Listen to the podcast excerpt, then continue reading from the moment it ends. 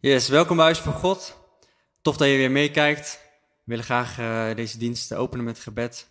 En uh, zo bidden tot, uh, tot onze God.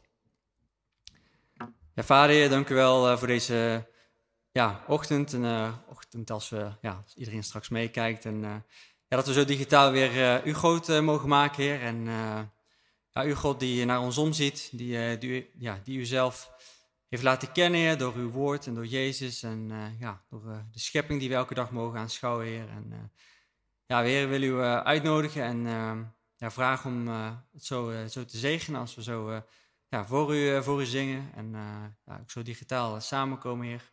Wilt u ons leiden, Heer, dat we als gemeente snel weer een plek mogen vinden om fysiek elkaar te mogen ontmoeten vast, Heer. En ja, wilt u er zo bij zijn deze dag, Heer. Dat bidden wij en vragen we in Jezus' naam. Amen.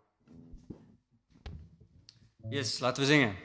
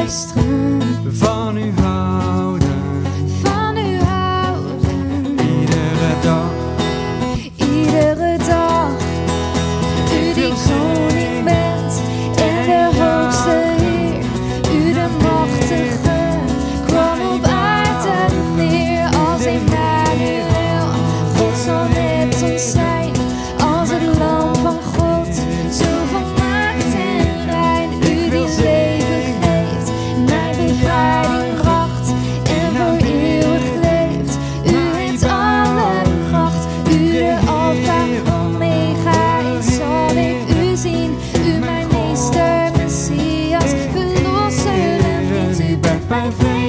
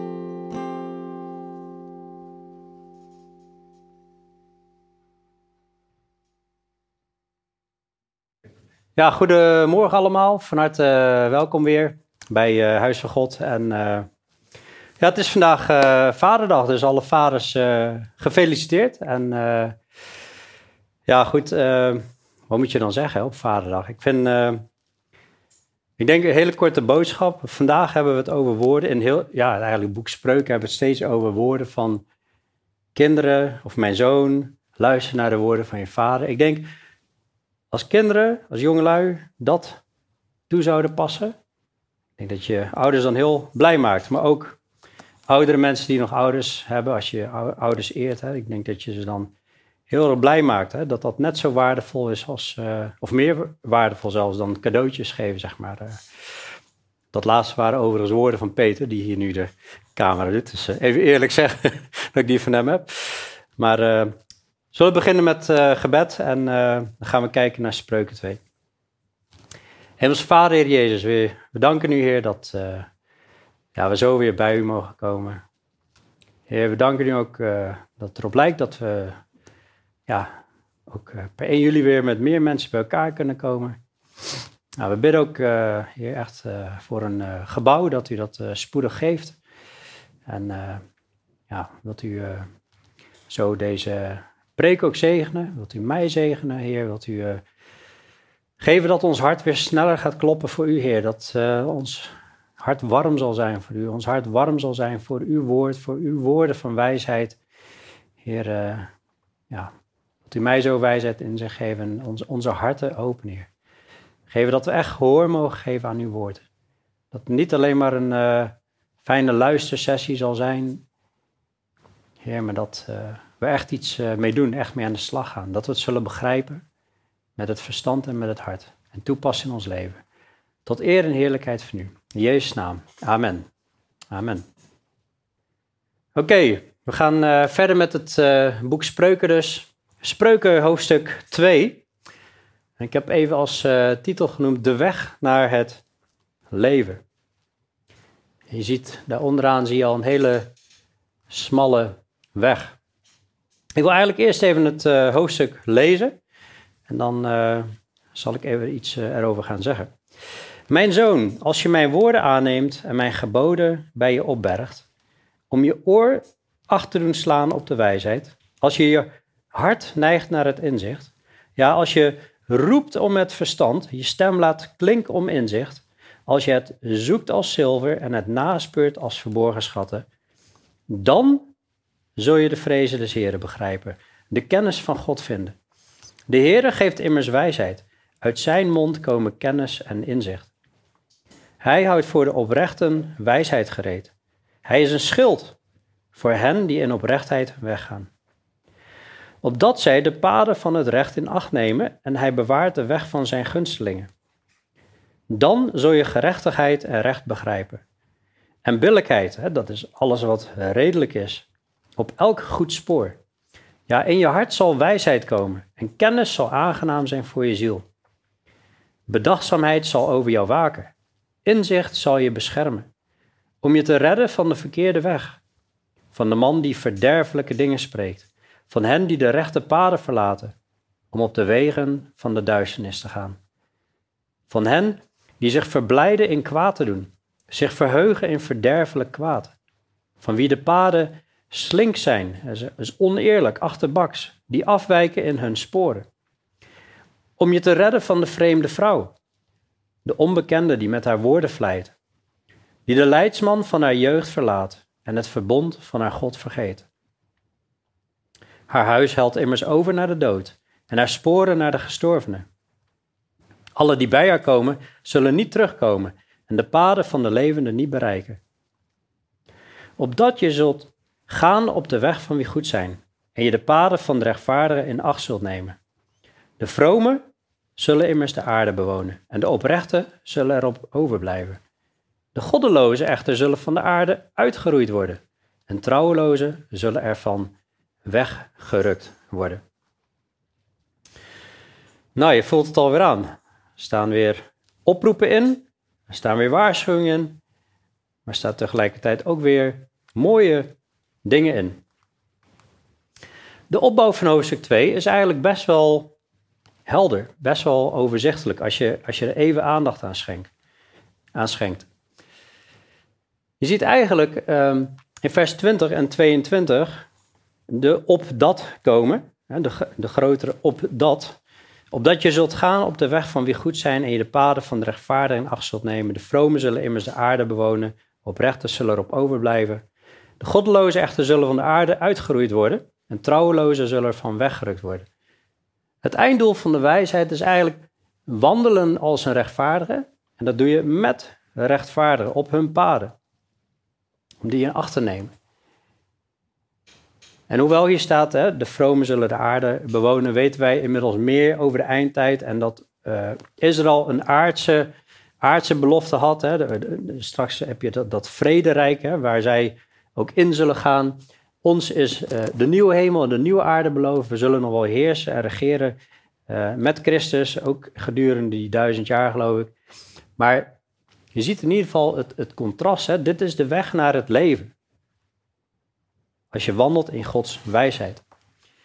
Maar er, zijn wel, er worden wel voorwaarden genoemd. Uiteraard weten we, hè, we moeten geloven in God en in liefde wandelen. Maar ook in wijsheid. Er staan allemaal voorwaarden in vers 1. Mijn zoon, als je mijn woorden aanneemt en mijn geboden bij je opbergt, om je oor achter te doen slaan op je wijsheid. Als je je hart neigt naar het inzicht, voorwaarde 2. Als je roept om het verstand en je stem laat klinken om inzicht. Vers 4 weer. Als je het zoekt als zilver, het naspeurt als verborgen schatten. Dan. Hè, dus hij stelt voorwaarden. Als je dit doet, als je dat doet, als je zus doet en zo doet. Hè, dat is echt wijsheid najagen dan heeft dat gevolgen. Dan gaat dit en dat gaat gebeuren. Dan krijg je gevolgen. Je wordt beschermd van onverstandig handelen. En God zal je schild zijn, lezen in vers 7. Hij is een schild voor hen die in oprechtheid hun weggaan. Maar met als einddoel, het grotere doel, is natuurlijk het eeuwige leven.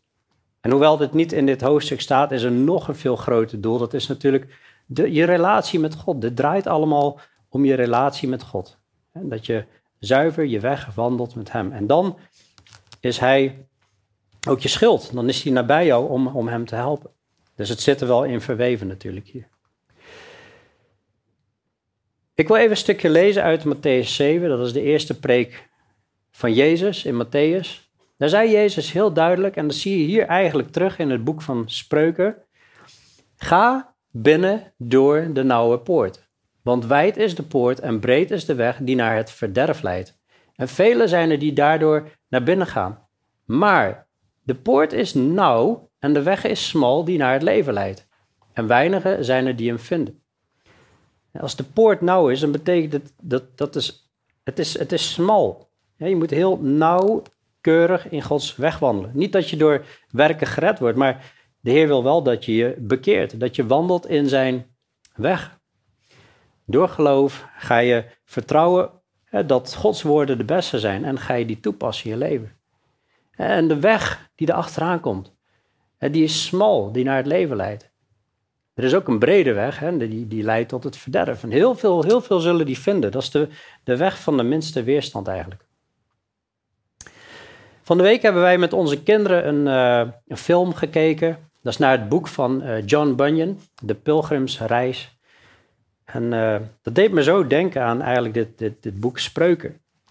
En dat is eigenlijk een, een soort verwoording van de kern van, van de Bijbel. Dat gaat over een man en die, en die heet Christen. En die woont in een, in een stad. En dat is de stad van de ondergang. Hij vindt daar een, een Bijbel. En hij begint die te lezen en hij, hij beseft, wow, deze stad gaat ten onder. En dat staat natuurlijk voor de wereld. die ten onder gaat. En hij, hij begint te reizen, te reizen. Hij, hij wil op zoek, hij, hij leest over die, die hemelse stad en daar wil hij heen. Hij gelooft dat en hij leest die Bijbel. Maar terwijl hij die Bijbel leest, ontdekt hij ook... Oh, het wordt steeds zwaarder. Ik voel een last op mijn rug. Die last die wordt steeds zwaarder en zwaarder. Een grote rugtas heeft hij op een gegeven moment. Maar hij gaat toch op pad. Hij wil naar die hemelse stad. Maar hij weet nog niet precies hoe, uh, hoe het werkt. En dan, en dan, heeft hij op een gegeven moment iemand ontmoet. En die hoort daarvan en die wil ook met hem mee. Maar dan vallen ze samen in het moeras. En die ander die ook had gehoord van de hemelse stad. Die zegt, nou ja, als, als, ik, ik, als dit de weg is naar de hemelse stad. Ik zit nu al in het moeras. Dan, ik, ik scheid ermee uit. Maar hij gaat door. En dan komt hij eigenlijk bij de berg Sinaï. De berg van de wet. En dan oh, die wetten die worden nog zwaarder en zwaarder en moeilijker. En mensen bedenken ook nog regels erbij. En oh, moeilijke weg. Maar ondertussen zie je dus ook steeds mensen op zijn pad komen, zoals evangelist. En die wijst hem de weg naar de nauwe poort. Daar moet hij naartoe gaan. Achter de nauwe poort, daar is het kruis. Dus met veel moeite gaat hij door de nauwe poort. En daarachter, daar bevindt zich een huis met de uitlegger. En dat is de Bijbel-uitlegger. En die legt hem uit waar hij weer heen moet en hoe het werkt. En hij komt dan uiteindelijk bij het kruis en dan, hij kon die rugzak met die last, die kon hij niet afdoen. En dan springen die banden, die springen eigenlijk los. En dan is hij eindelijk verlost van die, van die last en dan is hij vrij. Vrij om de weg te gaan naar die hemelse stad. En hij krijgt de opdracht, volg gewoon die weg. Continu recht doorgaan. Maar ja, onderweg komen er weer allemaal mensen die zeggen: Je moet eigenlijk deze kant op gaan. Kom, kom met ons mee deze kant op. Nee, dit is ook interessant. En allemaal afleiding komt er op zijn weg. En af en toe is hij ook afgeleid en dan komt hij toch weer terug. en zo zie je, hij komt langs leeuwen. Hij, uh, komt in de, in de vallei. Hij heeft op een gegeven moment een wapenrusting, een harnas gevonden en al die dingen. En dan komt hij in de vallei van de vernedering. Hij heeft een gevecht met de vijand. Er is strijd, hij gaat door de vallei van de schaduw van de dood. Allemaal moeite, maar elke keer staat hij weer op en gaat hij weer verder. En op een gegeven moment komt hij ook in een, in een stad en dat heet Vanity Fair. En Vanity Fair, dat is eigenlijk een soort eh, kermis van de ijdelheid, van alles wat eigenlijk inhoudsloos is. En daar is alles te kopen en alles wordt aangeboden. Maar één ding hebben ze in die stad niet, dat is van binnen rust en liefde en blijdschap en vrede, dat kunnen ze daar niet aanbieden. Allemaal weer afleidingen voor hem om van die weg naar die hemelse stad af te wijken. Nou, zo heb je een plek van twijfel, ook weer een weg met allemaal twijfel en uiteindelijk komt hij dan aan en dat is dan zijn reis, maakt hij de reis naar die eeuwige stad. Maar het is zo'n mooi verhaal, zo mooi om op, op die manier verhalen te zien hoe eigenlijk de christelijke wandel is, of, of de wandel van een gelovige, zoals in de Bijbel. In vers 1, hè, dan zie je, mijn zoon, als je mijn woorden aanneemt en mijn geboden bij je opbergt. Nou, continu zien we, de woorden zijn gericht aan mijn zoon. En dat zagen we in het vorige hoofdstuk al. Maar hoofdstuk 3 vers 1 ook, mijn zoon. Hoofdstuk 3 vers 1, 3 vers 11, mijn zoon. Nou, hoofdstuk 4 vers 1. Luister kinderen naar de vermaning van je vader. Maar we zullen volgende week ook zien hè, dat er een vers in hoofdstuk 3 in het Nieuwe Testament aangehaald wordt. En dat heeft letterlijk betrekking op God de Vader naar zijn kinderen. Dus zo mogen we het ook lezen. En dan zien we die voorwaarden als je mijn woorden aanneemt. Het begint eerst met de woorden van God aan te nemen aannemen en mijn geboden bij je opbergen. Dat is opbergen in je hart. In het Engels staat to treasure it. Hè, dat je het ermee omgaat als een, als een schat, als iets wat je heel erg kostbaar is. Iets wat je heel dierbaar is. Denk maar eens aan iets wat jou, iets materieels wat jou heel dierbaar is. En hoe zorgvuldig ga je daarmee om? En zo moet je omgaan met het woord van God en dat in je hart opbergen. Om je oor achter te doen slaan op de wijsheid. En dat zijn natuurlijk de oren van je hart. Hè? Als je je hart neigt naar het inzicht, is de volgende zin. Maar het is wel belangrijk om je oor achter te doen slaan op, je, op de wijsheid. Jezus heeft gezegd in Openbaring 2 en 3 hè, dat wie oren heeft, die horen wat de geest tot de gemeenten zegt.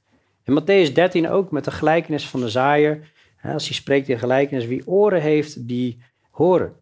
We moeten eerst opnieuw geboren worden om het koninkrijk van God binnen te kunnen gaan, om het koninkrijk van God te kunnen zien, om het geestelijke te kunnen begrijpen. Dan kunnen we onze oren acht laten slaan op wijsheid. Als je hart neigt naar het inzicht, hè, dan we hebben Gods geest nodig en in combinatie met onze wil om ons hart te neigen naar het inzicht. Het is een keuze. Hè. Waar richt ik mijn tijd? eh, hoe richt ik mijn tijd in? Hoe richt ik eh, mijn energie in? Dat je echt tijd neemt om te speuren naar die, die rijkdommen. Vers 3 zegt, ja, als je roept om het verstand, je stem laat klinken om inzicht. En dat is echt uitroepen, uitroepen naar God. In het Engels staat to, to cry out for discernment. Dat, dat je uitroept naar de Heer, geef mij onderscheid, help mij in alle moeilijke situaties om uw wil te doen. Je stem laten klinken om inzicht. En ik geloof dat als wij dat uitroepen naar God en, en uitroepen om wijsheid, dat Hij dat zal geven. Jacobus 1 zegt wel, hè, we moeten wel in geloof daarom bidden om wijsheid. Maar Jezus heeft ook gezegd in diezelfde preek in Matthäus 7, bid en u zal gegeven worden. Zoek en u zult vinden. Klop en er zal voor u open gedaan worden. En ik kwam ergens tegen dat dit inhoudt, dat het is een continu doorgaan met bidden eigenlijk. Het is een continu doorgaan met zoeken en een continu doorgaan met, met kloppen bij de Heer. Ieder die bidt, die ontvangt. En wie zoekt, die vindt. En voor wie klopt, zal open gedaan worden. Of is er iemand onder u die zijn zoon een steen zal geven als hij om brood vraagt? Of als hij hem om een vis vraagt, zal hij hem een slang geven? Als u die slecht bent, uw kinderen dan goede gaven weet te geven, hoeveel te meer zal uw Vader die in de hemel is, goede gaven geven aan hen die tot hem bidden. God is een goede God. God is een goede Vader en die wil goede gaven geven. En hoeveel te meer zal uw Vader die in de hemel is goede gaven geven aan hen die tot hem bidden. Maar God wil wel geven wat goed voor ons is. En als wij vragen om wijsheid, we doen dat in geloof, dan geloof ik dat God dat altijd wil geven. Dat gaat niet tegen zijn wil in, in ieder geval wijsheid van God. En dat is zijn wil. Hij zal gebeden verhoren wanneer wij bidden naar zijn wil. Ook als wij wandelen in zijn geboden, zal God ook onze gebeden verhoren. Jacobus 1 vers 7 zegt, elke goede gave en elk volmaakt geschenk is van boven en daalt neer van de Vader de lichten, bij wie er geen verandering is of schaduw van omkeer. Ook wijsheid, het is een goede gave. En dus we mogen het uitroepen, uitroepen naar dat verstand, uitroepen om inzicht. Tegelijkertijd wil ik er even bij zeggen, aan de ene kant hè, wordt gezegd, bid om wijsheid, dan zullen we dat krijgen. Maar aan de andere kant wordt er ook opgeroepen hier om het na te jagen. Vers 4 zegt, als je het zoekt als zilver, het naspeurt als verborgen schatten. Goed, zonder gebed ga je het ook niet vinden. Hè? Dus het is aan de ene kant bidden alsof het van God afhangt, en aan de andere kant naspeuren alsof het van ons afhangt. Dus hoeveel tijd besteed je aan school bijvoorbeeld? Als we kijken, ik heb het niet alleen hoeveel tijd, over hoeveel tijd in een week, maar hoeveel tijd besteden wij aan school in ons leven? We hebben basisschool, we hebben middelbare school, we hebben de meesten doen ook nog voortgezet onderwijs. En als je erover nadenkt, dat wij leven in, in, in een tijd waarin heel veel christenen zeggen, ja, de kerk moet het laagdrempelig houden, niet te veel onderwijs, niet te veel diepgang, want anders is dat aanstootgevend. Dus je denkt, wat, wat, wat is dit voor logica? Als je de Bijbel leest, zegt de Bijbel, schreeuw het uit om wijsheid, zoek dat. En, en, en, en eigenlijk verslind het woord. Hè. Vind mij hierin, plant mijn gedachten in jouw hoofd. Dat is eigenlijk wat God uitschreeuwt en de Bijbel uitschreeuwt. Als wij kijken in, in de wereldse maatschappij naar onderwijs en dat soort dingen, dan willen wij het beste. Er wordt steeds aangehaald het beste eruit. Hè? Men wil de hoogste opleiding die je maar kan genieten. Maar als het komt, aankomt op het woord van God, hoe bereid zijn wij dan om ook grondig dat te onderzoeken en grondig dat na te speuren als zilver, de wijsheid, de inzicht, het naspeuren als verborgen schatten. Ik denk dat we veel meer over christelijk leven ook zo na mogen denken. Zoals we nadenken over hoe bereid ik mij voor voor eh, de toekomst voor een baan. Nou, hoe bereid ik mij voor voor mijn toekomst voor de eeuwigheid? God wil dat je in zijn leerschool gaat. Hoeveel tijd besteden we aan het werk? Hoeveel tijd besteed je aan, nou, noem maar op. Hoeveel tijd besteden we aan gebed en hoeveel tijd besteden we aan Gods woord en wijsheid? Als God zegt, bid om wijsheid, roep het uit, cry out. Hoe is ons gebedsleven? Is ons gebedsleven, dank u wel God, dat ik deze morgen wakker mag worden. Wilt u mij helpen deze dag? Bij het avondeten, dank u wel dat de dag goed ging. Wilt u het eten zegenen? En als je gaat slapen, dank u wel dat het laatste stukje ook nog goed ging. Wilt u mij een goede nachtrust geven? Als, als dat je gebedsleven is, dan beroof je jezelf. En ik zet het even in extreme natuurlijk, maar wij mogen echt veel bidden naar God. En ik geloof dat Hij daar hele kamers in de hemel heeft vol met wijsheid die Hij ons wil schenken. Hij is de bron van de wijsheid. We hebben gezien in 1 Korinthe 1 vers 24 dat Jezus is de kracht van God en de wijsheid van God. Colossense 2 vers 3 dus zegt, in Jezus, in Christus zijn alle schatten van de wijsheid verborgen. Dat mogen wij naspeuren. Als je het zoekt als zilver, het naspeurt als verborgen schatten, dan zul je de vrezen des Heren begrijpen, de kennis van God vinden. De, de Heer geeft immers wijsheid, uit zijn mond komen kennis en inzicht. Nou, bij Huis van God hebben wij op uh, maandagavond om de twee weken hebben we een, een, groep met, met mannen die, die dieper willen in Gods woord. En dat noemen we treasure seekers. Nou, dat is geïnspireerd op dit soort Dat is om, om echt schatten te zoeken. Maar eigenlijk zou elke christen, dat is de oproep hier, elke christen zou een schatzoeker moeten zijn. Zoeken naar de schatten van God. Niet een gold digger, dat is weer wat anders, maar uh, sorry, grapje tussendoor. Maar ik heb bij de Hebreeënbrief, toen wij daar doorheen gingen, dat, dat gaat ook, dat, dat zet Jezus op zo'n hoge positie en plek en dat legt helemaal uit waarom hij zo groot is en wat hij allemaal gedaan heeft en vervuld heeft. En toen heb ik aangehaald het verhaal van deze fase. En dat wil ik eigenlijk nog een keer doen. Ik vind het zelf een heel sterk voorbeeld. We, we moeten Christus en zijn wijsheid, hij is wijsheid, dat moeten we op waarde schatten. Als we dat niet op waarde schatten, ja, dan gaan we eraan voorbij. Dan halen we de schouders op. Je ziet hier een vaas. Nou, die vaas, ik, ik zal eerlijk zeggen, als die in de kringloopwinkel had gestaan, en ik was er toevallig binnengekomen.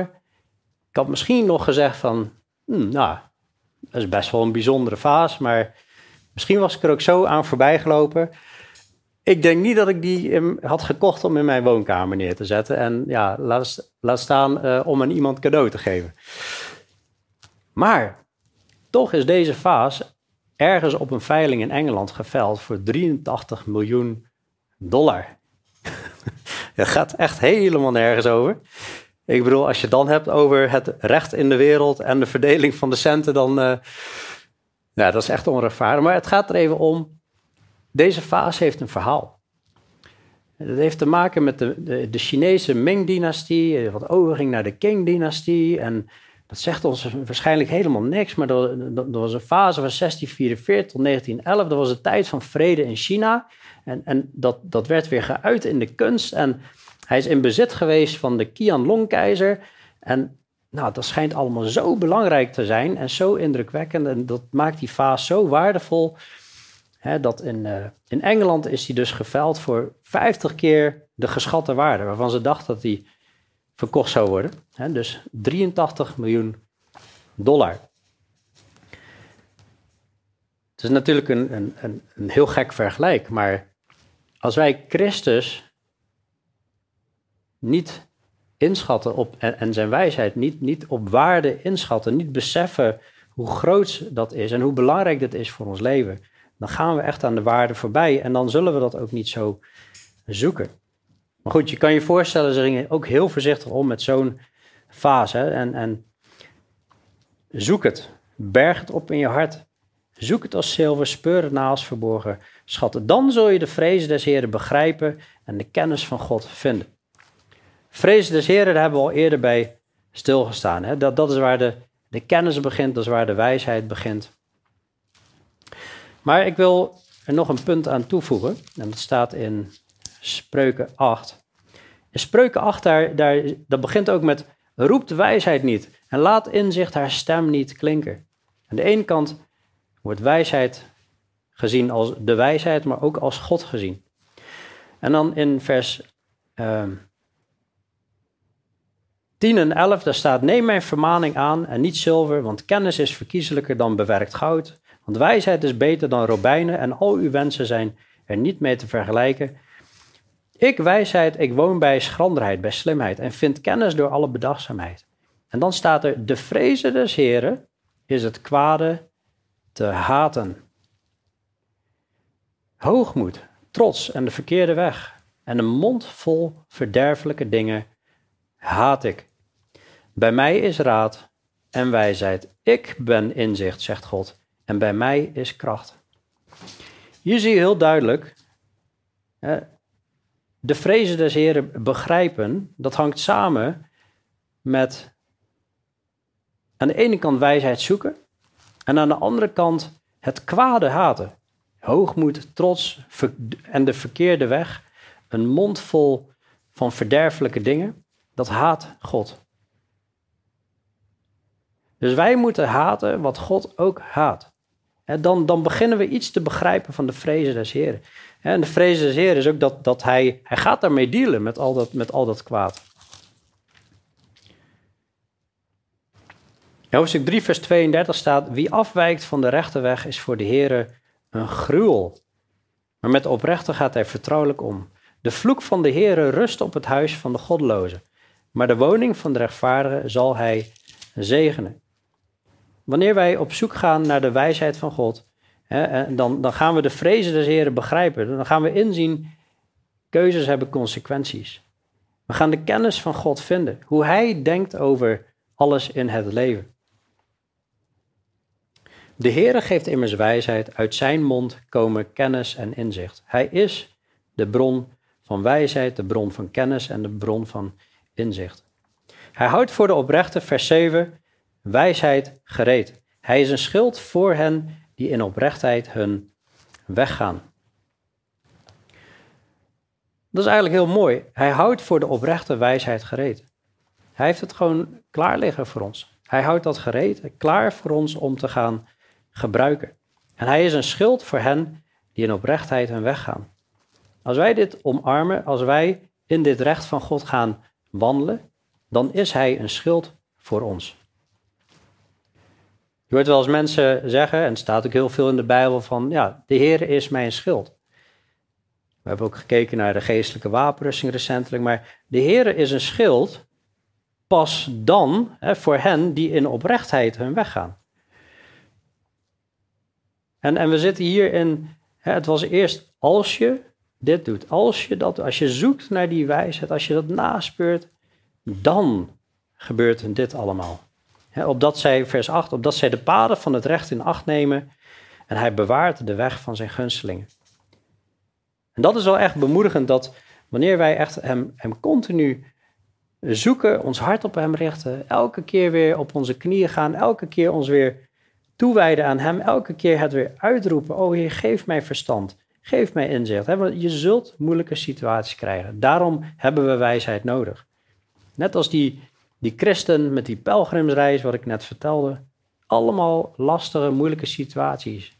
Verleiders komen op je pad, afleiding. Maar als je in zijn weg blijft wandelen, als je blijft zoeken en je, en je ogen focus houdt op, op hè, zeg maar, ja, die, die, die stad, hè, die stad van de eeuwigheid. God bewaart de weg van zijn gunstelingen. Zie je in 1 Petrus 1 vers 5 ook. We worden door de kracht van God bewaakt door het geloof. En God bewaakt ons. En wij blijven wandelen in geloof. Dus als wij de waarheid zoeken, als wij de wijsheid zoeken, Gods woorden hè, in, ons, in ons hart opbergen, dan gaat God onze schild zijn. Dan gaat Hij ons bewaren en dan gaan we echt de vrezen des Heren begrijpen. Dan zul je, de gerechte, dan zul je gerechtigheid, vers 9, en recht begrijpen. En billijkheid op elk goed spoor. Nou, gerechtigheid en recht, dat is om, om, het goede te doen allemaal. En billijkheid, dat is het redelijke te doen. En gewoon dingen doen die redelijk zijn. Ik bedoel, als iemand aan mij vraagt van... hé, hey, hoe gaat het? En uh, ik reageer van... Uh, sorry, dat vind ik een irritante vraag. Ja, uh, gaat je helemaal niks aan? Ja, dat, dat is helemaal niet redelijk om zo te reageren. Hè? Dat, het is gewoon om, om, om, om het goede te doen. Op elk goed spoor. In je hart zal wijsheid komen en kennis zal aangenaam zijn voor je ziel. In je hart zal wijsheid komen en kennis, dat zal iets zijn waar je van geniet. Terwijl als je tegen God ingaat, dan, dan heb je helemaal geen behoefte aan zijn kennis. Maar je gaat ontdekken, hey, dit geeft rust voor mijn ziel. De vrucht van de geest zal dan in ons openbaar worden. Liefde, blijdschap, vrede, goedheid, zachtmoedigheid, al die dingen dat zal aangenaam zijn voor je ziel. En je ziel, dat is je psyche. Hè? niet de psycholoog zal de dingen oplossen, maar wijsheid van God. Ja, in je hart zal wijsheid komen. Kennis zal aangenaam zijn voor je psyche, voor je geestelijke leven.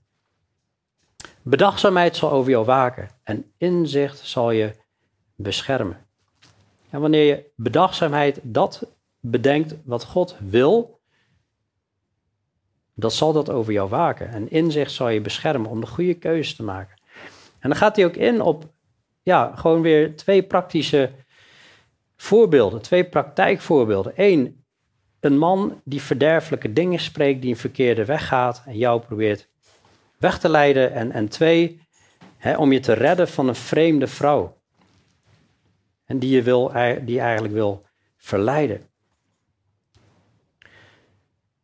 Om je te redden, vers 12, van de verkeerde weg, van de man die verderfelijke dingen spreekt, van hen die de rechte paden verlaten, om op de wegen van de duisternis te gaan. We hebben in Efeze zo sterk gezien, je hebt, je hebt licht en je hebt duisternis. Hè? De, het rijk van Satan en het rijk van God, zeg maar. En dat, dat, staat echt haaks op elkaar. Licht en duisternis heeft niks gemeen. Je wandelt of in het een of in het ander. Het is gewoon zwart-wit contrast. Hè? Er, is geen, er is geen middenweg. Het is of de brede weg of het is de smalle weg. En God wil ons daarvan redden. Van hen die de paden verlaten, de rechte paden verlaten, om op de wegen van de duisternis te gaan. Vers 14, van hen die zich verblijden in kwaad te doen, zich verheugen in verderfelijk kwaad. Van wie de paden slink zijn, oneerlijk, achterbaks, die afwijken in hun sporen. Nou, de man die verderfelijke dingen spreekt, dat is iemand die vuile taal spreekt. Laat er geen vuile taal uit je mond komen, hebben we gezien in Efeze, in Efeze 4. Dat is iemand die vloekt, dat is iemand die bespot, dat is iemand die liegt, die lastert, die ruzie zoekt, die, die is hard, die is grof over vrouwen, die, is, die heeft seksueel onrein gedrag. Alles moet stoer zijn en om alles moeten we kunnen lachen. Eh, die maakt vrienden met wie het hem uitkomt.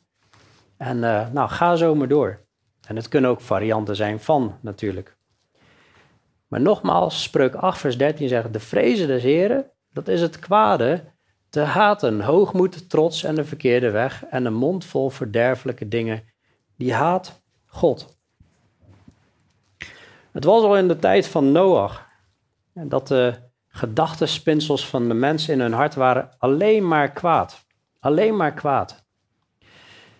En we leven in de eindtijd. En Jezus heeft gezegd in Matthäus 24 dat de wetteloosheid zal toenemen en de liefde van velen zal verkillen. Het gaat steeds erger worden. Het wordt ook steeds moeilijker om in het recht te wandelen. De media, de politiek, je ziet overal, je ziet het moraal afzakken, afzakken. Alles wat tegen God ingaat, dat wordt verheerlijkt. Wat zie je hier staan? dat het mensen zijn die verblijden zich in het kwaad te doen. Zich verheugen in verderfelijk kwaad. Die staan op met blijdschap om weer eens even heerlijk te kunnen zondigen. Terwijl God dit haat. Ga daar niet heen. En hoe zorg je ervoor dat je daar niet heen gaat? Hij heeft de voorwaarden gesteld. Ga wijsheid zoeken. Schreeuw het uit. Roep het uit. Omarm het. Bewaar het in je hart. Want het is een val. Net als de vreemde vrouw, om je te redden van de vreemde vrouw, de onbekende die met haar woorden vlijt. Iemand die vlijt, dat is iemand die allemaal lieve, fijne, aardige dingen spreekt, waardoor jij je goed voelt en eigenlijk heel erg naar die persoon toegetrokken wordt. Die de leidsman van haar jeugd verlaat. Een leidsman van de jeugd, de meeste uitleggers geloven dat hiermee bedoeld wordt dat dat, dat haar man is. Die haar man, de leider van het gezin, de leider die ze getrouwd is in haar jeugd, die, dat ze die verlaat. Dat is een vrouw die overspel gaat plegen. Die jou misschien wel verlokken. En het verbond van haar God vergeet. Haar huis helt immers over naar de dood. En haar sporen naar de gestorvenen. Alle die bij haar komen zullen niet terugkomen en de paden van de levenden niet bereiken. Is een ernstige waarschuwing. En natuurlijk heb je allemaal varianten. Ook al ben je niet getrouwd, kun je ook verleid worden. Je kunt seks voor het huwelijk hebben. Maar Jezus heeft net zo goed gezegd: let op, wie in zijn hart al een vrouw begeert, die pleegt al overspel met haar. En het stond ook gewoon in de wet, eh, het tiende gebod. In de wet van Mozes was niet begeren het huis of de vrouw of wat dan ook van je naaste. Dus pas op, mannen, wat je op schermen kijkt. Ga dat niet begeren in je hart. Pas op met wat je op straat ziet. En dan moet ik net zo goed naar mezelf wijzen. Want ik kan er ook niks aan doen dat ik bepaalde vrouwen in schaarse kleding tegenkom. Maar wat ik het doe in mijn denken en in mijn hart, daar kan ik wel wat aan doen. En dat is meteen in gebed. Ga, Heer, wilt u mij beschermen? Wilt u mij bewaren dat die gedachten of die beelden geen, geen ingang hebben in mijn hart? In hoofdstuk, moet ik even denken.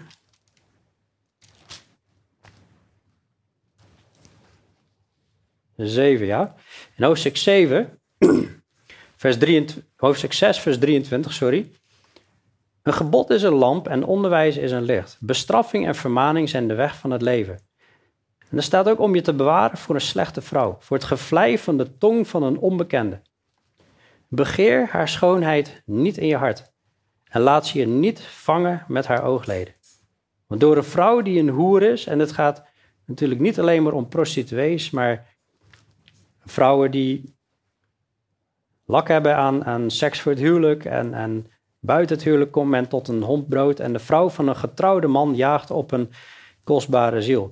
En de waarschuwing is hier vooral aan de mannen, maar net zo goed aan de, de vrouwen. Hè? Want ik bedoel, vrouwen die kunnen ze ook zo kleden en deze daden doen, ook al zijn ze gelovig. Hè? Maar Hebreeën 13 vers 4 zegt heel duidelijk, het huwelijk is eerbaar en het bed is onbevlekt. Dat bed is onbevlekt, maar hoereerders en overspelers, hoereerders, porneia en overspelers, zal God oordelen. Die worden geoordeeld. Als je denkt, ja, maar ja, goed, kan misschien toevallig alleen daar staan. Nee, staat ook in 1 Korinthe 6, dwaal niet. Overspelers, hoereerders al, zullen het koninkrijk van God niet binnengaan. Galaten 5, daar staat het nog een keer. Mensen die allemaal in het vlees wandelen en dit soort dingen doen, zullen het koninkrijk van God niet binnengaan. Maar let op, in hoofdstuk 6, vers 27, als iemand vuur in zijn boezem neemt, als je dit omarmt, dan, dan je bent eigenlijk bezig met iemand waar eigenlijk de, de vlammen van de hel, die tast al om zich heen. Als iemand vuur in zijn boezem neemt, zullen dan zijn kleren niet in brand vliegen? Als iemand op gloeiende kolen loopt, zullen dan zijn voeten niet verbranden? Zo ook wie naar de vrouw van zijn naaste gaat. Al wie haar aanraakt, die zal niet voor onschuldig gehouden worden. Hoofdstuk 6, vers 32. Wie met een vrouw overspel pleegt, is zonder verstand. En wie dat doet, die richt zijn ziel te gronden. Plaag en schande zal hij vinden en zijn smaad zal niet uitgewist worden. Nou, nou gaat, het gaat maar door. Maar hele duidelijke waarschuwing. En waarom staat dit erin? Omdat ja, die begeertes zijn er in de wereld. Die komen op je af. En dat een vrouw mooi is, daar kan zij niks aan doen. En dat wij dat zien, kunnen wij niks aan doen. Maar ik kan wel kiezen waar ik naar kijk op mijn telefoon of op mijn computer. Nou, wat ik buiten zie, daar kan ik niks aan doen. Maar wat ik vervolgens doe met die gedachten, daar kan ik wel wat aan doen. Wees gewaarschuwd. Dit zijn niet zomaar woorden. Dit zijn woorden van God die ernstig waarschuwen. Je zal jezelf te gronden richten. Haar huis over naar de dood. Terug naar hoofdstuk 2, vers 18. Haar sporen naar de gestorvenen. Alle die bij komen zullen niet terugkomen en de paden van de levenden niet bereiken. Dus dat zijn serieuze waarschuwingen. Nou, Israël is voor ons, dat is geschreven als een waarschuwend voorbeeld. Israël heeft in, in allerlei opzichten God verlaten. Met verkeerde vrouwen getrouwd. Ze, ze zondigden volop. En, en, en op een gegeven moment hadden ze geen onderwijs meer over dit soort dingen. Degenen die onderwijs moesten geven, deden niet meer wat ze moesten doen. En men verhardde zich en verliet God. En Hosea die zegt op het eind, net voordat Israël eigenlijk gevangen genomen wordt en, en het noordelijk deel van Israël dus gewoon verstrooid is over de hele wereld. Mijn volk is uitgeroeid omdat het zonder kennis is. Omdat u de kennis verworpen hebt, heb ik u verworpen om als priester voor mij te dienen. Omdat u de wet van uw God hebt vergeten, zal ik ook uw kinderen vergeten. Het is ernstig als we God verlaten. Maar in Jeremia 3, vers 12, vele jaren later, dan zegt God tegen Jeremia: Ga deze woorden prediken tegen het noorden en zeg: Keer terug, afvallig Israël, spreekt de Heer. Mijn aangezicht is tegenover u niet betrokken, want ik ben goede tieren, spreekt de Heer. Ik handhaaf mijn toorn niet voor eeuwig. Alleen erken uw ongerechtigheid, want u bent tegen de Heere, uw God, in opstand gekomen. En u hebt zich in alle richtingen verspreid op zoek naar de vreemden. Onder elke bladrijke boom, maar u hebt niet geluisterd naar mijn stem, spreekt de Heer. Ze hebben overal andere wijsheid gezocht. Keer terug, afkerige kinderen, spreekt de Heer, want ik heb u getrouwd. Ik zal u nemen, één uit een stad en twee uit een geslacht, en ik zal u naar Sion brengen. En ik zal u herders geven naar mijn hart, die u zullen wijden met kennis en verstand. En ik geloof echt als wij de Heere zoeken, als je zoekt naar wijsheid, als je het uitroept naar God, dan zal God naast zijn woord ook herders geven naar het hart van God. In tegenstelling tot de herders in Jeremia 23, dat waren valse herders. Die spraken woorden uit hun eigen hart. Die spraken visioenen die niet van God waren. En God zei: Ik heb hun helemaal niet gezonden, ik heb hun niet gestuurd. Maar als wij het uitroepen naar God, dan geeft God herders naar zijn hart. En die zullen u wijden met kennis en verstand. En dat is de kennis en verstand van God. Die zullen daarop wijzen. Weiden, dat is naar grazige weiden brengen, waar, waar het voedsel is, het gezonde voedsel.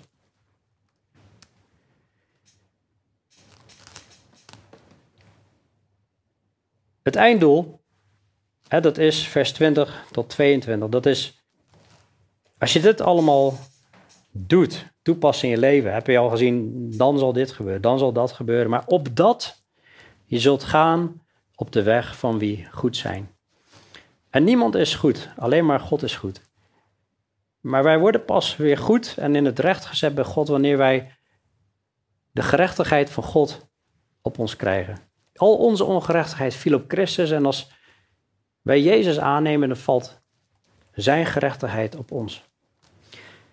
En zul je gaan op de weg van wie goed zijn, als je in deze weg wandelt. En je, paden van de, eh, en je de paden van de rechtvaardigen in acht zult nemen.